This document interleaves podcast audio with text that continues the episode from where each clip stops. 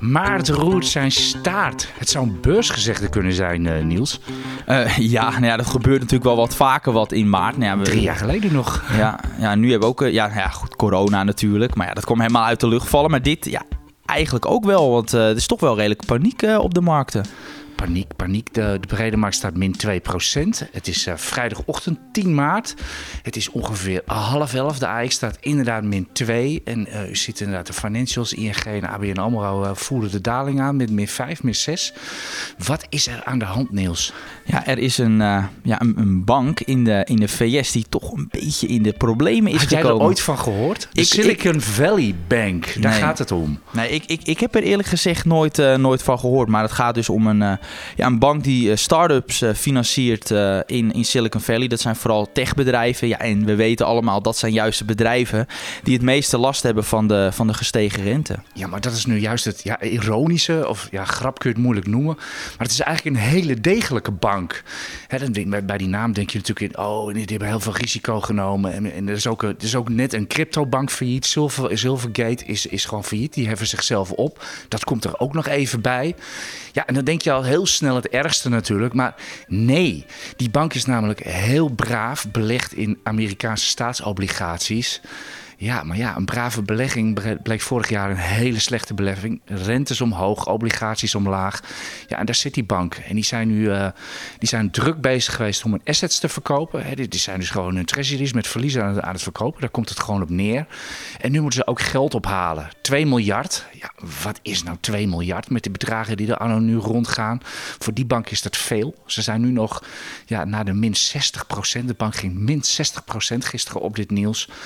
Uh, is het nog 6 miljard waard. Dus uh, dat is behoorlijk. Ja, maar goed, het valt nog wel mee als je het vergelijkt met natuurlijk de gehele financiële sector. Ja, maar dat is dus de ellende altijd met banken. Iedereen denkt onmiddellijk aan besmetting. Wie heeft exposure? Wie heeft risico uh, bij die bank?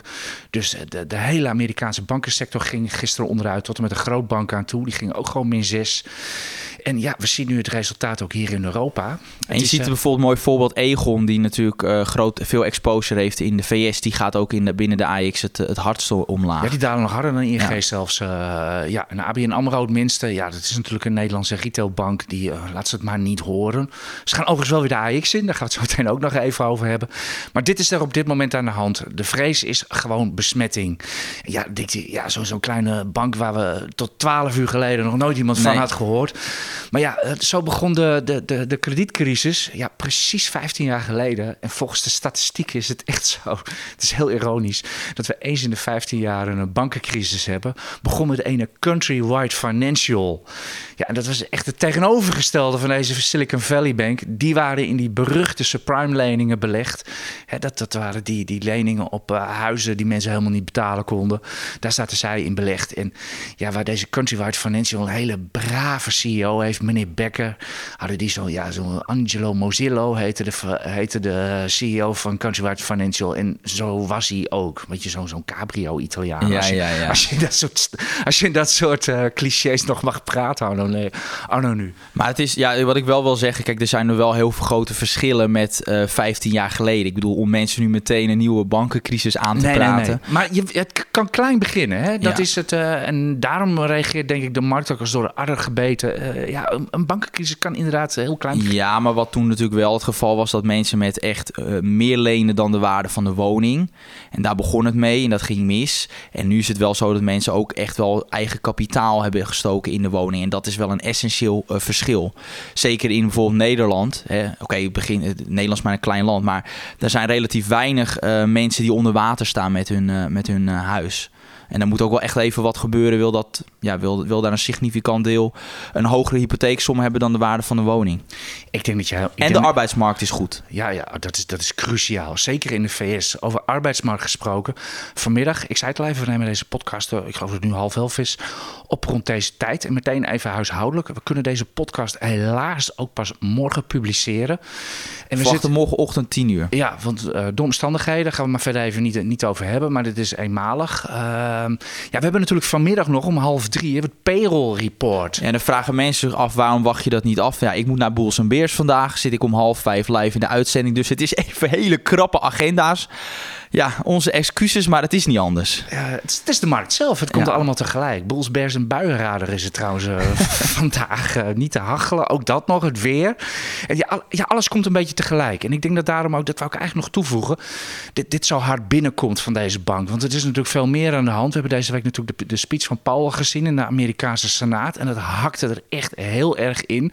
Vanmiddag is er dus dat banenrapport. En dat was, uh, verleden maand was dat echt, het werd, er werden 200.000 nieuwe banen verwacht en er waren 500.000. En dus de, de, markt reageerde toen als door een adder gebeten.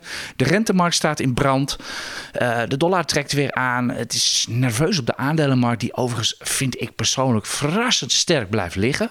We staan nu weliswaar min 2, maar eigenlijk is er helemaal niet, zo, niet zoveel aan de hand. Wie niet tegen min 2 kan, die moet überhaupt niet gaan beleggen, denk ik.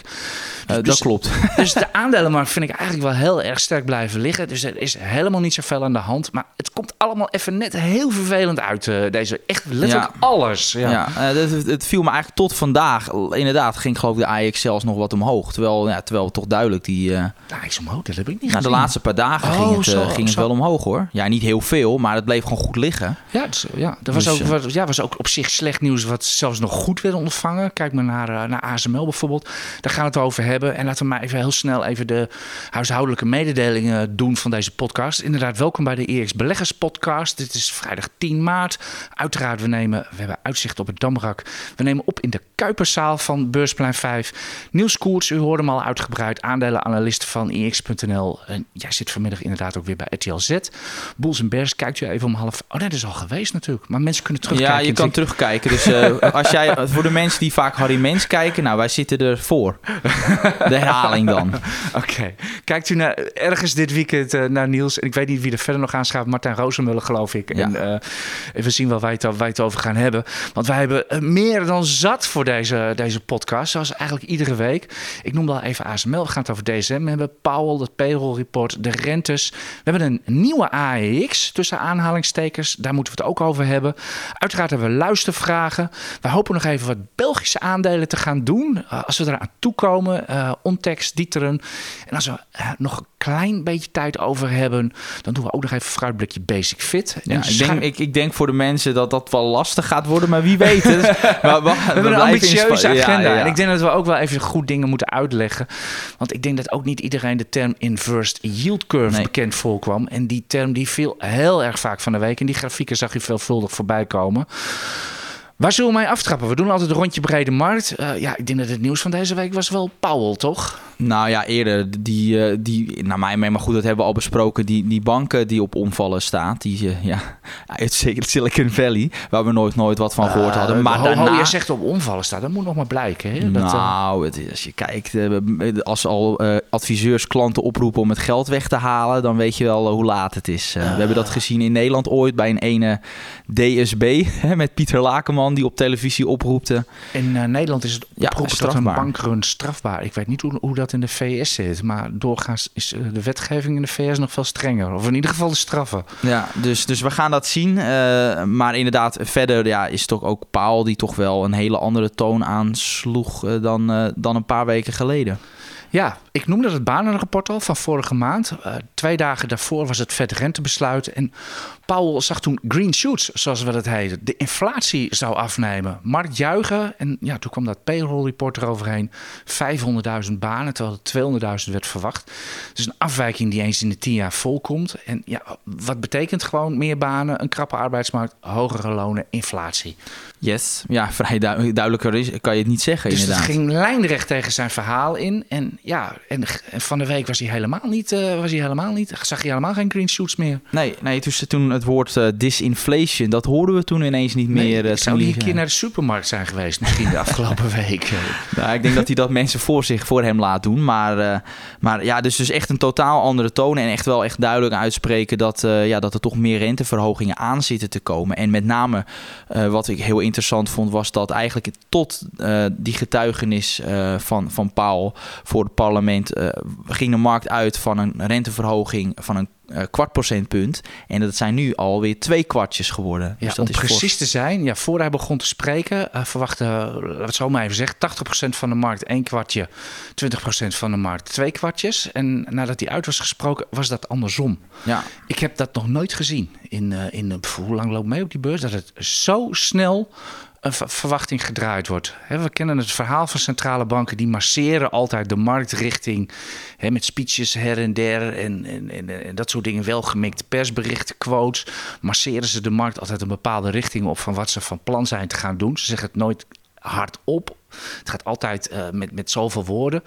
Maar dat is dus niet gebeurd in de afgelopen weken. En ineens komt deze boodschap uit de, uit de lucht vallen. En vandaar ja, dat er gewoon in één keer een uh, kwartje werd. Ja. Uh, en dat had echt gevolgen met name dus in de rentemarkt. Je zag vooral de korte rente zag je echt lopen. En toen kwam er dus iets interessants. Eigenlijk een enorme inverse yield curve ja, daar zijn we bij die term die ik al even noemde. Ja. Wat is dat, Niels? Nou, kijk, dat is, eh, in principe is het vrij logisch dat in, onder normale economische omstandigheden is, ligt de lange rente hoger dan de korte rente. Want je bent gewoon simpelweg langer je geld kwijt, dus meer risico. Uh, uh, dus eis je een hogere vergoeding daarvoor, omdat je je geld langer kwijt bent. Maar wat we nu zien, is dat de tweejaarsrente meer dan 1% punt boven de lange rente ligt. Dus als, als we echt de exacte cijfers erbij pakken, dan is het dus zo dat de Amerikaanse 10-jaarsrente noteert op 4% en de tweejaarsrente 5%. Nou, dat, dat verschil van 1% punt. Hoe ligt dat hier in Europa? Uh, dan zie je natuurlijk, is het iets anders. Ja, drie tiende ongeveer. Ja, dus is dat anders. Maar als je echt kijkt naar de VS, dat is echt een enorm verschil. Je zou denken, ja, 1% punt. Maar echt zeker omdat die dus, het gaat dus omdat de korte rente fors boven de lange rente ligt. En dat verschil is dus het uh, grootste verschil sinds 1981. En dat is natuurlijk heel erg ver terug. Want ja, het is, was natuurlijk een heel speciaal jaar 1981. Dat moet jij weten. Uh, ik was toen nog eigenlijk Jannetje.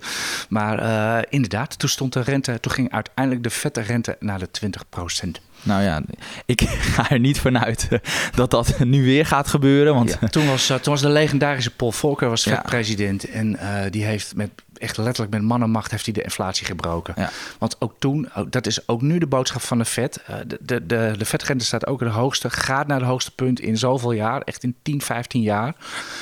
Uh, ja, ja, dat is gewoon het mandaat. En dat gaan ze breken. En ze hebben het geprobeerd de economie te sparen. Dus niet te snel verhogen. hoewel het al heel snel is gegaan. Want ja, ze waren behind the curve. Hè. We hebben afgelopen jaren allemaal zitten mopperen op de centrale banken. Ze zijn veel te langzaam. Dat blijkt dus inderdaad. En nu gaan ze, ze gaan die inflatie breken. Dus al moet die rente ja, ja, en, nou, en, is echt het ja. worst, worst, worst case scenario. Maar, maar, maar, maar ja, Jamie uh, Dimon zag ik van de week op, op televisie, JP Morgan, die zei, nou ja, 6%, ik sluit het niet uit. Nee, kijk, het enige lichtpuntje is wel, als je echt kijkt naar die consumenteninflatie, uh, die inflatie gaat wel snel naar beneden, want als het prijsniveau in februari, zeker in Nederland, ligt al op hetzelfde niveau als in augustus. Dus, dus het is wel zo, sinds augustus zijn de prijzen niet gestegen voor de consument. Alleen het probleem is dat, uh, waar kijkt de vet naar? Die wil geen loonprijsspiraal. En die lonen stijgen wel fors. En dat is natuurlijk een ja, structureel component binnen die inflatie. Dus ja, dat willen ze omlaag uh, drukken. maar Niels gaat dit verhaal eens vertellen aan mensen die nu in de supermarkt nee, staan, joh. Nee, dus omdat het is natuurlijk, je vergelijkt nog steeds met een zeer hoog punt. Maar wel, ja, sinds augustus is die inflatie dus, ja, is eigenlijk nul. Dus gaat ook die inflatie loopt er in principe snel uit. Je zult dat met name in de cijfers over maart zien. Omdat je ja, dan gaat je in maart 2023 vergelijken met 2022. En dan gaat dat inflatiecijfer omlaag. Maar ja, helaas wel de prijzen ja, zijn nog steeds wel op een hoog ja, niveau. De gevoelsinflatie is denk ik veel belangrijker denk ik, voor het sentiment. En uh, als dingen ineens twee keer zo duur zijn in de supermarkt, uh, dan moet je met dit soort uh, statistiek niet aankomen. Nee, nee, nee. Dat, dat, ja, het zijn statistieken inderdaad. Ja, dan koop je als je inderdaad uh, ja, moeilijk hebt om rond te kopen, koop je daar niets voor helaas. Oké, in ieder geval het is afwachten. Er wordt in ieder geval een extra vetkwartje ingeprijsd voor dit jaar. De, de, de consensus ligt nu ergens op ongeveer 5,5, 5,75 uh, in de, de zomer, herfst van dit jaar. En ja, we moeten, we moeten maar afwachten. Het is duimen voor een uh, payroll report vanmiddag en alle data. Let u op de inflatie. Nou ja, de, de afgelopen keer, ik weet nog wel dat hij toen die, die duivische speech hield. Uh, dat was inderdaad vlak voor dat rente, voor de, voor de banencijfer. Toen viel het banencijfer fors mee. Dus toen zei hij al van, nou, hij had toch die cijfers moeten weten. Ja, misschien weet u het nu ook niet en blijkt dat het de banengroei wel meevalt. Maar ja, we gaan het zien. Dat, dat vond ik echt heel. Daar hebben we het ook nog over gehad in de podcast. Ja. Dat- die, wat, die man heeft toch dagelijks de meest geavanceerde data tot zijn beschikking, zou je denken. Ja. Hield hij zich van de domme. eh, ja, we zullen, misschien dat we het ooit in zijn memoires eh, gaan lezen. De geheimen van eh, centrale bankiers. Zullen, moeten we verder nog dingen over de brede markt Nou ja, bespreken, denk, ik? de indexwijzigingen. Ik denk dat daar dat ook wel wat nodig over te zeggen Nou is. ja, dat is toch wel. Dan kruipen we toch alweer een beetje naar Damrak toe. Nou, dat is toch brede markt, zo zie ik dat wel. Oké, index, indexwij, index, ja, wat zijn indexwijzigingen? Vorige week vierde de AX 40-jarig verjaardag. Het is altijd zo dat eh, in maart is altijd de grote indexwijziging. Er wordt er opnieuw gewogen, gewikt en gewogen, echt letterlijk. Want hoe komt de index tot stand? Eh, alle fondsen die aan het Damrak genoteerd zijn, er wordt gekeken naar eh, de marktkapitalisatie. Nou, ASML is natuurlijk de grootste, dan, eh, dan Shell, Unilever, dan loopt u het rijtje maar bij af. Vervolgens wordt er gekeken naar de hoeveelheid vrij verhandelbare aandelen. Dat is de free float. Het ene fonds heeft, eh, nou de AX-aandelen zitten allemaal wel rond 95, 100 procent. Maar hoe verder u de markt in gaat, er zijn kleine aandelen bij, daar loopt het soms echt wel tot 95 procent op. Dat de aandelen gewoon vast liggen bij enkele groot aandeelhouders. En alles wat daartussenin zit, dat telt heel hard mee. En dan is er nog zoiets als de dagelijkse omzet. Fondsen waar veel in gehandeld worden, die schuiven als het ware eh, naar voren. Nou, daar heeft beursbedrijf Euronext een hele ingewikkelde formule over. Die staat overigens gewoon op de site. Er staan alle, er staan alle voorwaarden eh, van Euronext, er staan allemaal hoe, de, hoe dat werkt met die, met die index. Nou, simsalabim, en eh, er komt dan wat uit. Ja, en dat, inderdaad, wat En het wat dus is. eruit? Ja, dus hoe meer de beurswaarde en hoe meer er gehandeld wordt, hoe hoger het plekje. Dat is denk ik een hele goede vuistregel. Nou, wat kwam eruit? Dus, Unibail is al vrijwillig vertrokken. Dat is eigenlijk een Frans fonds. Die zijn naar Parijs vertrokken. Die hebben vrijwillig een plekje opgegeven. Signify verdwijnt. En ABN AMRO en ASR komt erin. En dan hebben we vijf financials in de AX. Ja, ja, nee, ja, dat is, eh, het enige is, ze wegen het niet echt zwaar. ING wel, maar ABN AMRO zou bijna niks wegen. ASR bijna niets. Dus En, en nog een beetje, 2, 2 3 procent geloof ik. ja, dus, ik dus geloof, dat, dat geloof stelt ING van 6, 7, ah, echt uit mijn hoofd hoor. 6, ja, 7 5, procent. 6 procent. Ja, en A6 zit onder de 1. Dus uiteindelijk weegt het alles bij alles eh, de 10% die financials. Maar ja, het zijn wel, vijf, eh, het zijn wel vijf namen. Ik vind dat persoonlijk wel een beetje erg veel. Ja, ja, toch aan de andere kant gaat het mij ook weer een beetje om het indexgewicht. En in dat opzicht valt het wel. Kijk, ik- misschien willen we ook gewoon niet te veel financials. Want over het algemeen Nee, zijn het niet de beste niet. lange termijn beleggingen. Alhoewel verzekeraars gewoon eh, de laatste jaren wel gewoon heel goed gedaan hebben. Maar Ja, maar banken zijn gewoon hartstikke cyclisch. ja, dat klopt. En dat zie je nu ook wel weer. Hè. Er is even een beetje paniek. En eh, wie gaan het hardst omlaag? De banken. Ja, zo gaat het altijd. Eh, in de AMX, daar komt ene Allfunds in. Ja, dat is heel ingewikkeld. Dat is een Spaans bedrijf, een databedrijf. Eh, dat, is, heeft, dat is een PLC, dus juridisch is het een Brit en het staat hier genoteerd. Ja, welkom in Europa. in ieder geval, ja, de ironie is, daar heeft natuurlijk Euronext, die hebben daar eh, volgens onze analist Martin Krum echt een zot bot op uitgebracht. Die keutel hebben ze ook heel snel weer ingetrokken. Offens wilde, wilde dat ook helemaal niet. En, ehm, maar dan, moeten ze, dan komen ze wel in de AMX. Ja. Dat zijn gewoon inderdaad die keiharde regels die, die er gewoon zijn. Er wordt niet naar eh, naam of rugnummer gekeken. Vandaar ook al die buitenlandse fondsen in, in de index. Exor, UMG. Hebt u er iets mee? Jij wil nieuws? Ik helemaal niks. Nou, Exor volg ik dan als analist. Maar ik snap wel dat niet mensen er heel erg warm voor worden. Alhoewel ik daar wel... Ik zie daar wel kansen. Maar eh, Ja, maar dat is dus gewoon die, die systematiek. Voor de markt is dit fantastisch. Want die zien al lang van tevoren aankomen welke aandelen erin komen, welke eruit komen. Die wisten, dat, die wisten dit al lang. Maar ja, voor het Holland gevoel, het Nederland gevoel, de AX, onze index, is dat, is dat, natuurlijk, is dat natuurlijk raar.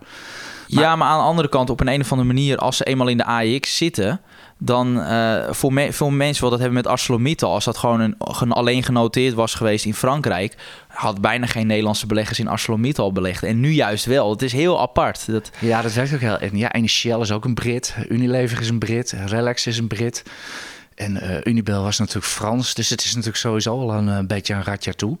En, maar al, ik denk alles beter dan een comité die wel even gaan bepalen. Ja. eh, eh, van da wijze dames en heren die gaan bepalen wie er wel en niet in komt. Dan krijg je een Dow Jones en dan krijg je een ratje toe. En, eh, ja, of, of je krijgt allemaal ESG-bedrijven. maar, grapje.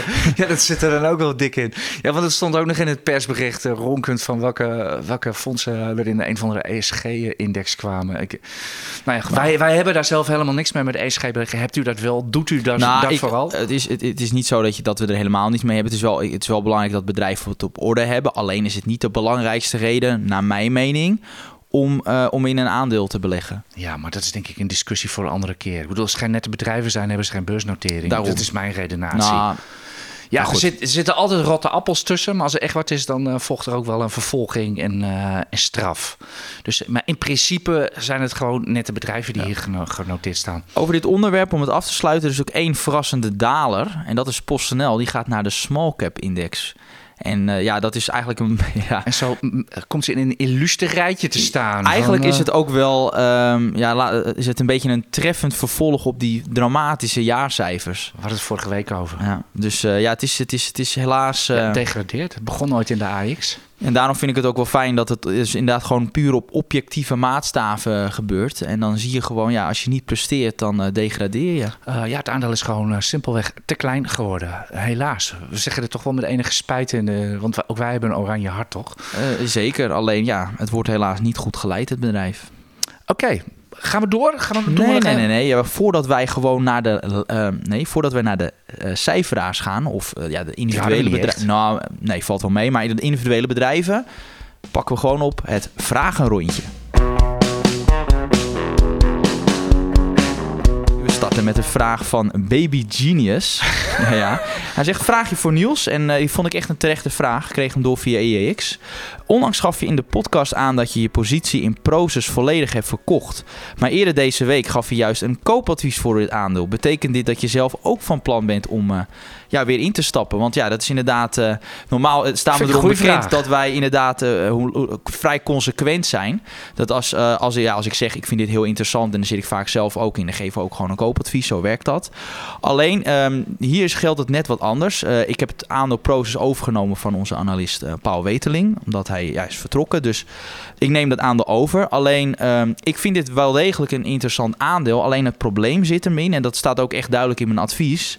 Ja, als jij het China-risico niet schuwt, dan is Proces op dit moment, op dit huidige koersniveau, zeer interessant. En zelf zit ik onder andere al in Alibaba en ook via Sofina al in participaties in ehm, China. Dus ehm, naar mijn mening is mijn eigen exposure naar China echt al voldoende. En dat was voor mij reden om Proces te verkopen. Dus dat, is, ja, dat staat haaks op het feit dat ik, ondanks dat ik het wel een aantrekkelijk aandeel vind, maar ik wil gewoon niet te veel eh, exposure naar China. Dus dat is, eh, dat is het antwoord. Dat is duidelijk. En dan eh, gaan we door naar een vraag van Thomas. En die zegt: ja, Dag Niels en AJ, bedankt voor de informatieve podcast. Maar Dankjewel. hoe kijken jullie nu eh, aan naar de situatie rondom vastgoed eh REITs in Amerika en de Europese vastgoedaandelen? Want die koersen zijn natuurlijk enorm onderuit gegaan. Liggen daar ko- koopkansen of is het een bodemloze put, AJ?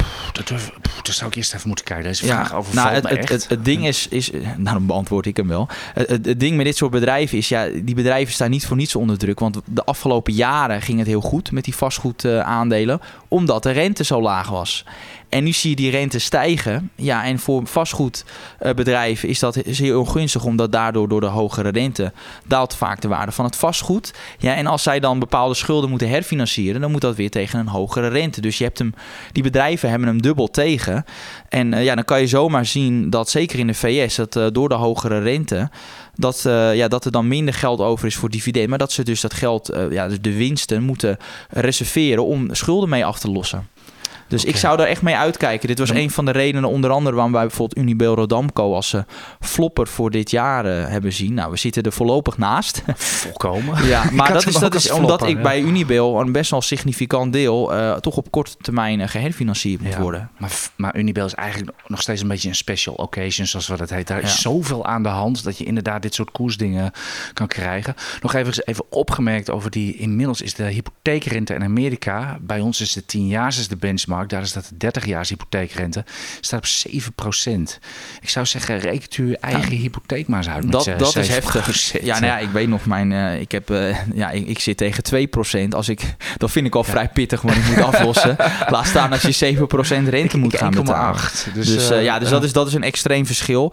Ehm, een derde vraag van Benny. En die zegt, ja, wat is het verschil tussen dividend en een kapitaaluitkering. Dat is wel een interessante, want ja, dat, dat zal, zullen de meeste beleggers wel weten dat dividend moet je belasting over betalen, zeker als je buitenlandse aandelen hebt, en een kapitaaluitkering niet. En dan zou je denken, ja, waarom kiezen niet al die bedrijven voor een kapitaaluitkering? Want dat is fiscaal voordeliger.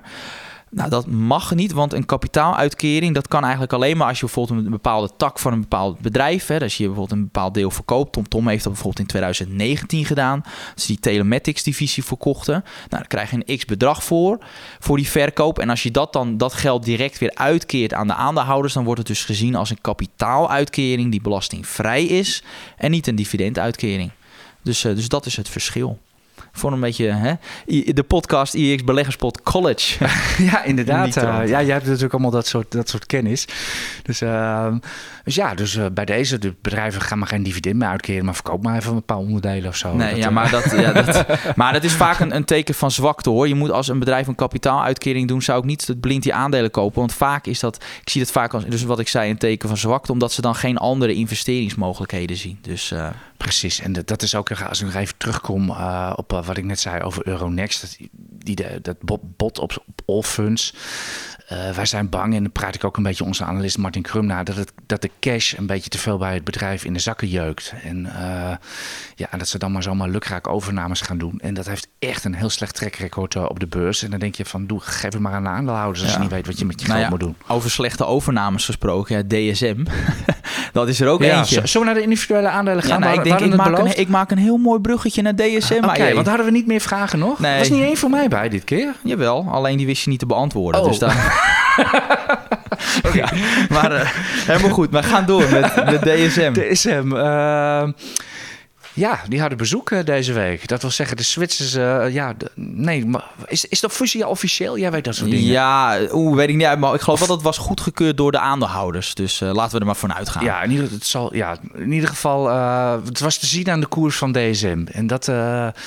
Ja, de mededingings... Nee, de kartelautoriteiten uh, zijn daar binnengevallen ja. bij Ferminis. Ik zeg binnengevallen, dat is een zwaar woord. Uh, er is geen beschuldiging of wat dan ook. Uh, maar er zijn uiteraard wel aanwijzingen dat er iets aan de hand is. Firmenich ik hoop echt dat ik het goed zou uitspreken. Een vreemde, naam blijft het. Uh, bedrijf, uh, ja, formeel heeft DSM het uh, overgenomen. Wij denken eerder hier bij IEX dat ze bij het kruisje hebben getekend. Zoals wij dat, zoals wij dat zien. Die, die, worden beschuldigd van kartelvorming. En die doen natuurlijk in geur- en smaakstoffen zeer lucratieve sector. En wat dat betreft is het natuurlijk goed dat DSM het in, in die hoek zoekt. En dat ze dat zijn aangegaan. Want het is inderdaad, is inderdaad prachtige business. Maar ja, als je prijs afspraken met je concurrenten gaat maken, dan wordt het heel ja, vervelend. En dat is natuurlijk twee dingen. Dan heb je één, uh, je krijgt een boete. En twee, als dus dat blijkt, dan ga je dus misschien toch uiteindelijk weer meer concurrentie krijgen. En dan gaan, die, uh, ga je ook minder marge maken. Dus uh, ja, dat is niet positief. En helemaal wat ik vervelend vind aan die, eigenlijk die overname van Firmenich... is dat ook het management heel veel, een hele extreme bonus heeft uh, opgestreken. En ja, wat ik een beetje uit de stukken opmaak, is dat, dat DSM wel heel graag weg wilde uit Nederland. En, ja, DSM, zichzelf... DSM wilde echt te graag. Ja. En dat wisten die Zwitsers, daarom zei ik ook. Ze hebben echt bij het kruisje getekend. Ja.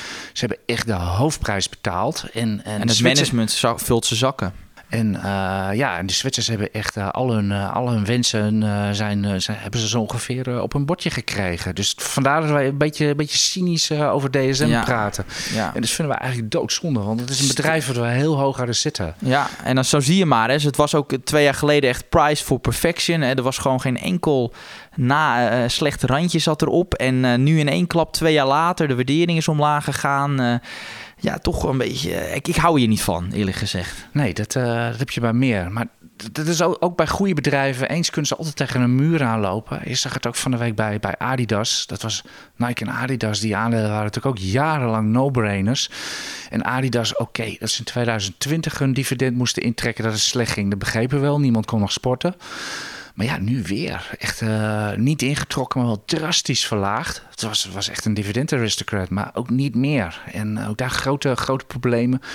Uh, grote verliezen dankzij Kanye West, geloof ik. Ja, hoe krijg je het voor elkaar, denk ik dan, als zo'n grote multinational? Dat je zo, zo afhankelijk bent van zo'n ja, dat je afhankelijk bent van zo'n ongeleid projectiel. Ja, want dat is het toch? Ja. En daarom hebben ze ook zo lang hem een beetje uh, ja, gesteund, als het ware. Dus hem hand boven het hoofd gehouden. En ja, op een gegeven moment was hij niet meer te handhaven. En dan zie je wat dat voor impact is op, uh, op, het, op de bedrijfsresultaten. Ja, en het is een joekel van een bedrijf. Ja, het is geen, klein, is geen klein bedrijfje. Dus ja, nou, dat is, uh, zo is het nou eenmaal met, uh, met beleggen. We zien het zelfs aan, aan Heineken. Dat, ik heb, een paar weken geleden noem ik deze podcast uh, sinds de AIS bestaat. Die, die 40 jaar is geworden, onbesproken trekrecord.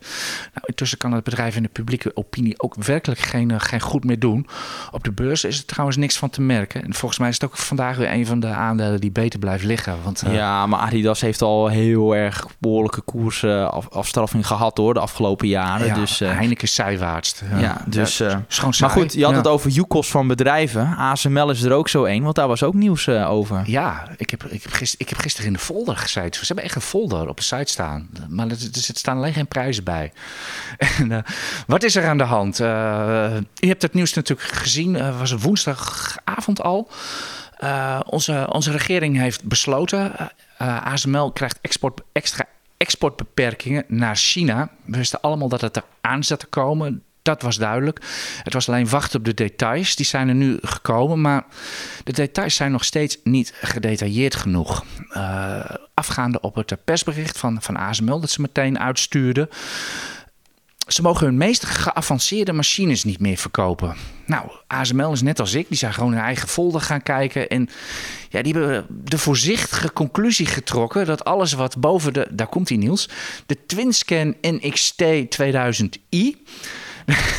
dat is een DUF-machine. En um, zij denken uh, dat dat, dat daar de grens ligt. Dus alle machines die daaronder zitten, dat ze die nog naar China mogen exporteren, mogen verkopen, mogen onderhouden. En alles wat daarboven zit, er zit nog een hipper model boven. En daarboven zitten dan weer die bekende EUF-machines, die al niet meer naar China mochten. Vanaf 2019 speelt dit hele, hele verhaal al. Voorzichtig, ze noemden het echt in het persbericht, deze machine. Daar werd ik ook in de folder gaan kijken.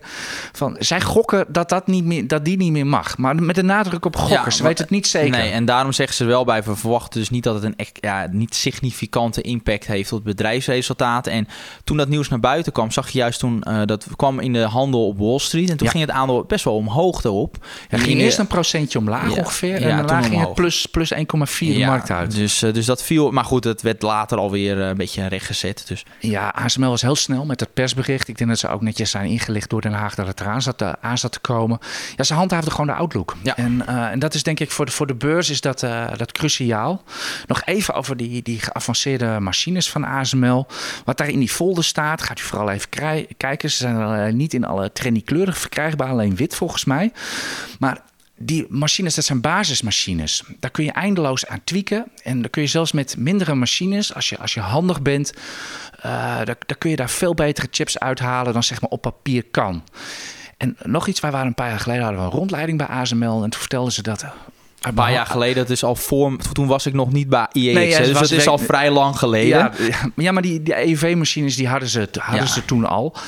Um, dat, dat ze al hun machines die ze ooit gemaakt hebben, zijn allemaal nog in gebruik. Dus vroeg of laat komen die dingen weer terug. Die worden, uh, worden gepimpt. Die, ja, dat, zijn, zijn eigenlijk een soort basismodellen die je eindeloos kunt, kunt, uh, kunt bewerken. En ook geavanceerde kunt maken. Dus dat geavanceerd is een heel betrekkelijk begrip bij ASML. Nou, hoe die, hoe die vork precies in de, in de steel zit, wat dat betreft kunnen we echt uitnodigen voor die IX Beleggersdag van, uh, 2023 op 30 juni. Want Jos Benschop, en dat is de hoofd van de machines zeg maar, van de ASML, die er alles van weet, die ze echt maakt al 30 jaar, die is onze gast en die gaat, ja, die gaat, er, die gaat er alles over vertellen. En die gaat misschien ook uh, ons wel uit de doeken doen wat wel en niet naar China kan en het hele verhaal. Dus als je echt geïnteresseerd bent in die TwinScan NXT 2000i, zou dat voor turbo-injectie staan? maar dan ga dan naar de beleggers. Dat gaan we hem vragen. Ga dan naar de beleggersdag dag. Maar goed, ja, wij gaan ook live weer de podcast opnemen tijdens de beleggersdag. Dus ja, als je graag er live een keer bij wil zijn. Uh, en ja, dan uh, ja, zou ik gewoon altijd een kaartje kopen. zeker vragen welke aandelen u hebt. Uh, dat doen we altijd. Oké. Maar even om dat ASML-verhaal. ja, voor de markt maakt het uiteindelijk niks uit. ASML zit tot haar nek in het werk, moet investeren. Outlook gehandhaafd. Ze hopen dit jaar 25% met de omzet te groeien. Oké. En vandaag gaan ze denk ik ook. Ik heb niet gekeken, maar nou, ik weet bijna wel zeker dat ze hard gaan. Nou, ik geloof dat het ten opzichte van de markt nog wel meevalt. Maar dat was het laatste wat ja, ik zag. Maar ook ASML is natuurlijk een renteverhaal. Hè? Dat, uh... Ja, maar wel, ja, het is wel een sterk bedrijf met hoge marges. Ik, dus, ik, ik heb de aandelen en ik houd ze lekker. Uh... Dat geldt voor mij hetzelfde. Um, zullen we gewoon door met het Belgische hoekje? Want ja, we, er is gewoon toch 10% van onze luisteraars, dat zijn Belgen. Dus ja, we zijn overal te horen. ja, Dieteren, want je zei, er zijn geen cijferaars. Dat zijn, er waren er wel. Ja, we nemen toch wel een onevenredig deel van deze podcast voor de Belgen op. nou ja, vooruit. Nee, maar uh, dus Dieteren, dat is, uh, ik volg al die uh, holdings. En dat zijn de beursgenoteerde wat is, wat is een, Oh, je zegt het al. Ja, de beursgenoteerde investeringsmaatschappijen. En die zijn altijd wat later met de cijfers, dus la, met de jaarcijfers. En daarom komen die nu pas. En eentje daarvan is Dieteren, die wij volgen. En dat is een, ja, een, een dat holding. D, Iteren, hè? Ja, ja, ja, zeker. En dat is een, een bedrijf wat zich focust met name op de automobielindustrie. Nou zou je denken, ja, dat is toch, daar valt toch geen droog brood mee te verdienen. Niels, ik heb van de week ik kwam een staartje tegen. Die heb ik al getwitterd. Een stukje van gemaakt, geloof ik, op iX van de EV-fabrikanten. Dus de Pure Place. Ja. Nou, als je min 90 staat, uh, ben je outperformer ja. hoor, zo'n aandeel. Nou ja, maar goed, dus als we dan kijken naar Dieteren, als je dan de afgelopen 15 jaar kijkt, dan heb je een rendement van plus 1500 of plus 900 procent. Ik was net iets te enthousiast, maar dus 900 procent in de afgelopen 15 jaar. En wat is met name, waar komt dat door? Uh, ja, ik geloof... Ja, ja, zoiets. ja. Dus, dus dat is wel een outperformance. En dan zou je denken, hoe kan dat nou? En wat ik heel interessant vind, is Dieteren, die focust zich dus op de automobielindustrie. Maar hun belangrijkste participatie, dat is Belron. Nou, daar zal niemand van gehoord hebben. Maar dat is het moederbedrijf van Carglass. Nou, die Carglass reclames, die herkennen we allemaal wel. Maar wat vooral heel interessant is, is dat, um, ze maken, dat Carglass, dat maakt nu niet meer reclames van... Goh, ga bij ons, bij ons hieruit laten vervangen. Die reclames zijn al weg. Nee, ze zijn op zoek naar personeel. Dus dat geeft wel aan. De reclames, het gaat van Carglass, gaan nu nog alleen maar over... Wordt, uh, wordt ook werknemer van ons.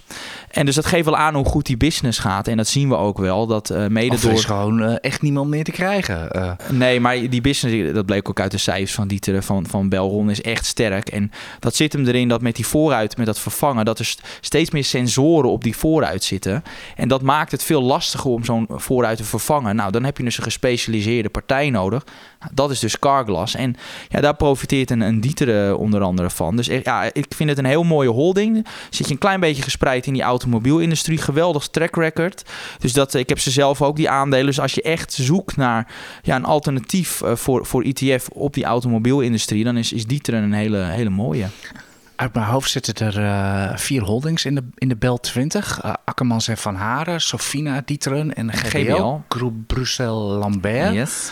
Heb jij, heb jij ze alle? Zijn er nog meer of zijn dat ze allemaal? Ja, ik heb zelf uh, GBL, maar dat is wel de, de, de, de, qua lange termijn track record de zwakste. Ik moet daar ook, ga er nog een keer kritisch toch nog een keer naar kijken. Uh, Sofina vind ik zeer interessant. Gaat vandaag wel ook hard omlaag op, uh, op dat nieuws, omdat nou ja, wat we met die bank hebben gezien, die, die beleggen vooral in. En die had te maken ook met start-ups. Nou ja, dat Sofina investeert ook in, in start-ups. Dus ja, dat zijn dan logisch dat dat soort aandelen nu even onder druk komen te staan.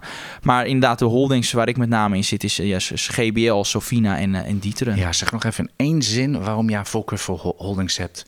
Uh, nou, dat, je buiten de beurs kan... Een, uh, nou, één, ze noteren tegen een, een, discount, maar vooral het, het lange termijn tracker. En nog het allerbelangrijkste is toch ook het netwerk wat, waar die families over beschikken. Dus ja, dat zijn families, ja, dat bijvoorbeeld bij...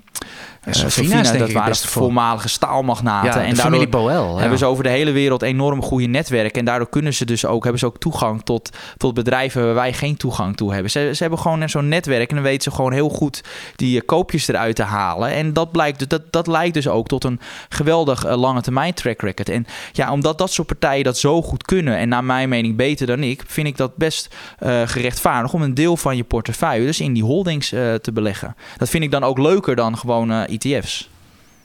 Vind ik een goed punt. In ieder geval, uh, ik denk dat je bij de Belgen geen kwaad meer kan doen. Uh. Nee, dus ik, ik hou die beholdings. Ik schrijf daar op de site. Uh, bij Premium schrijf ik daar regelmatig over. Ja, dus, dus EX Premium, dat, ja. dat, is het betaalde gedeelte van EX.nl... waarin hij gewoon keihard advies en ja, dus, dus als je bijvoorbeeld van de zalm Ja, zoals je de uitgebreide het, het, onderbouwing van het koersdoel wil hebben... De, de waardes die ik bepaal op basis van de beleggingsportefeuilles... want dat bereken ik ook zelf. Ja, dat is allemaal op de, op de website te zien. Dan hebben we nog tot slot nog één aandeeltje... want ja, Basic Fit gaat gewoon de shredder in.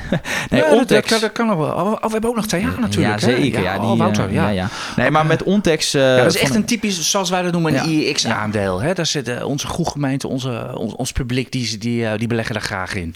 Ja, en die hadden twee weken geleden nou met cijfers. soms. En dan zou je zeggen, nou, waarom behandel je dat nu pas? Omdat ik vond dat toch wel interessant om te behandelen, omdat uh, dat bedrijf beloofd. Ja, dat is de luierfabrikant en die hadden het heel erg lastig. Dus hoge schulden en ja, toch de winstgevendheid die steeds structureel daalt. Maar ja, in het vierde kwartaal zagen we toch wel een, een ommekeer. Dat uh, zowel uh, wat heel knap is, dat ze zowel meer wisten, hogere prijzen wisten te bedingen. Nou, dat doen alle bedrijven, maar ook de volumes stegen.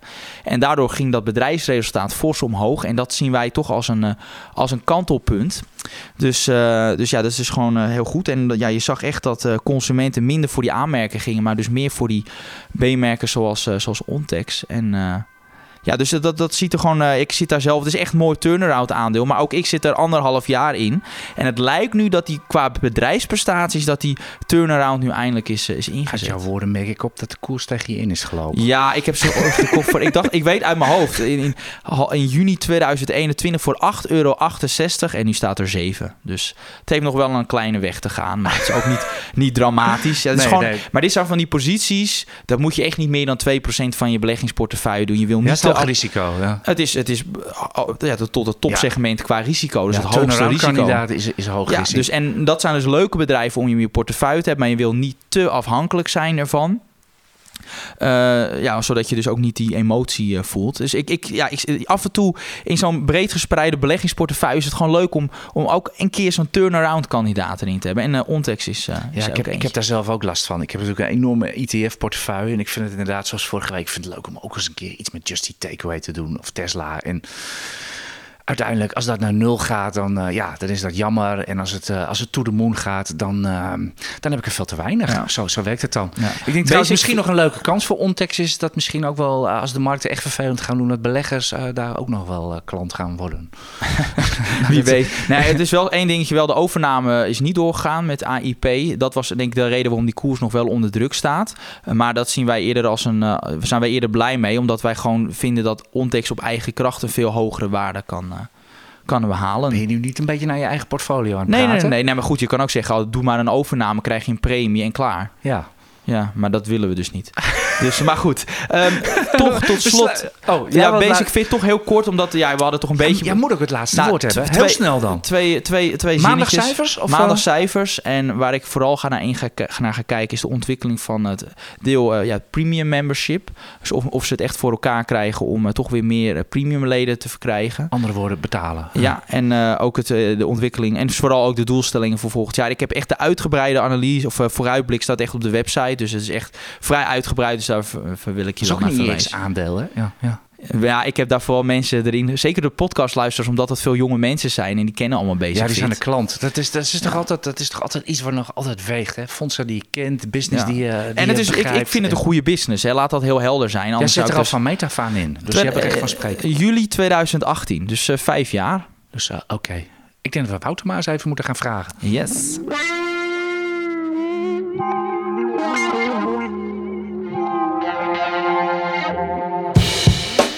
Kijk op de grafiek. Welkom onze technische analist Wouter Slot, collega, uh, collega van Tostrams. De AX staat vandaag uh, te verregen in eigen grafiek, zal ik, uh, zal ik maar zeggen. Heb jij nog wel iets leuks gevonden?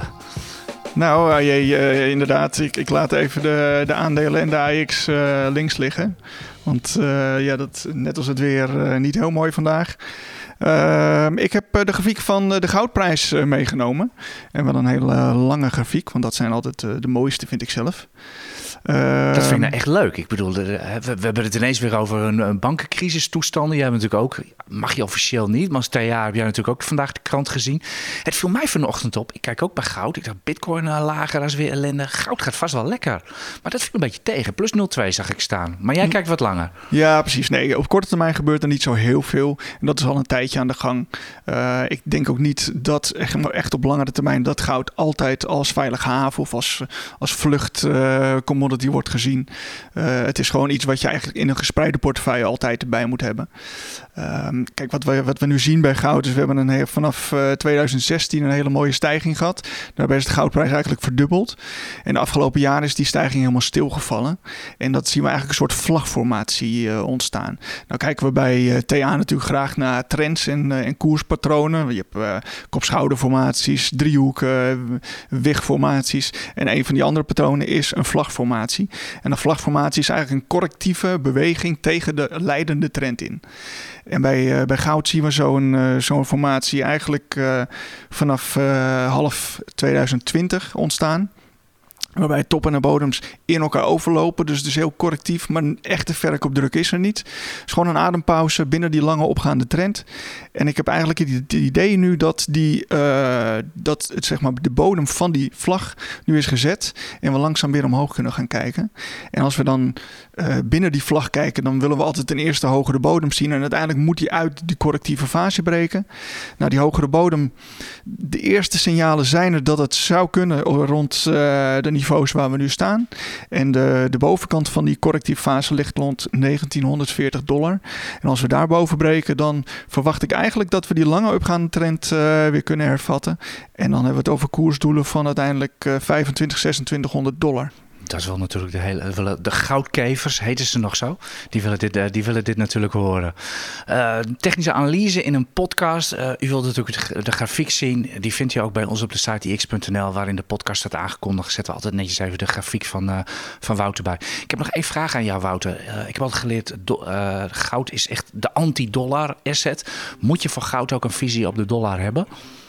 Uh, nou, ik denk dat de uitslagen in goud uiteindelijk zo groot zijn vaak als die trend eenmaal loopt, uh, dat de correctie in die dollarprijs dat dat niet zo heel veel uitmaakt. Dus ik, ik denk niet dat dat heel erg uh, weegt ten opzichte van die koers. Dankjewel Wouter Slot. Jij ook dankjewel Niels. En u natuurlijk als luisteraar hartstikke bedankt voor weer een, uh, voor dat u weer geluisterd hebt naar onze belegspodcast. Ja, uh, we wensen u een prettig weekend. Maar als we naar de beurs kijken en het weer, uh, wordt, dat, wordt dat nog een hele klus. In ieder geval heel veel succes komende week op de beurs. En volgende week zijn wij er weer. En hebben we weer netjes op vrijdag deze podcast live staan. Tot dan.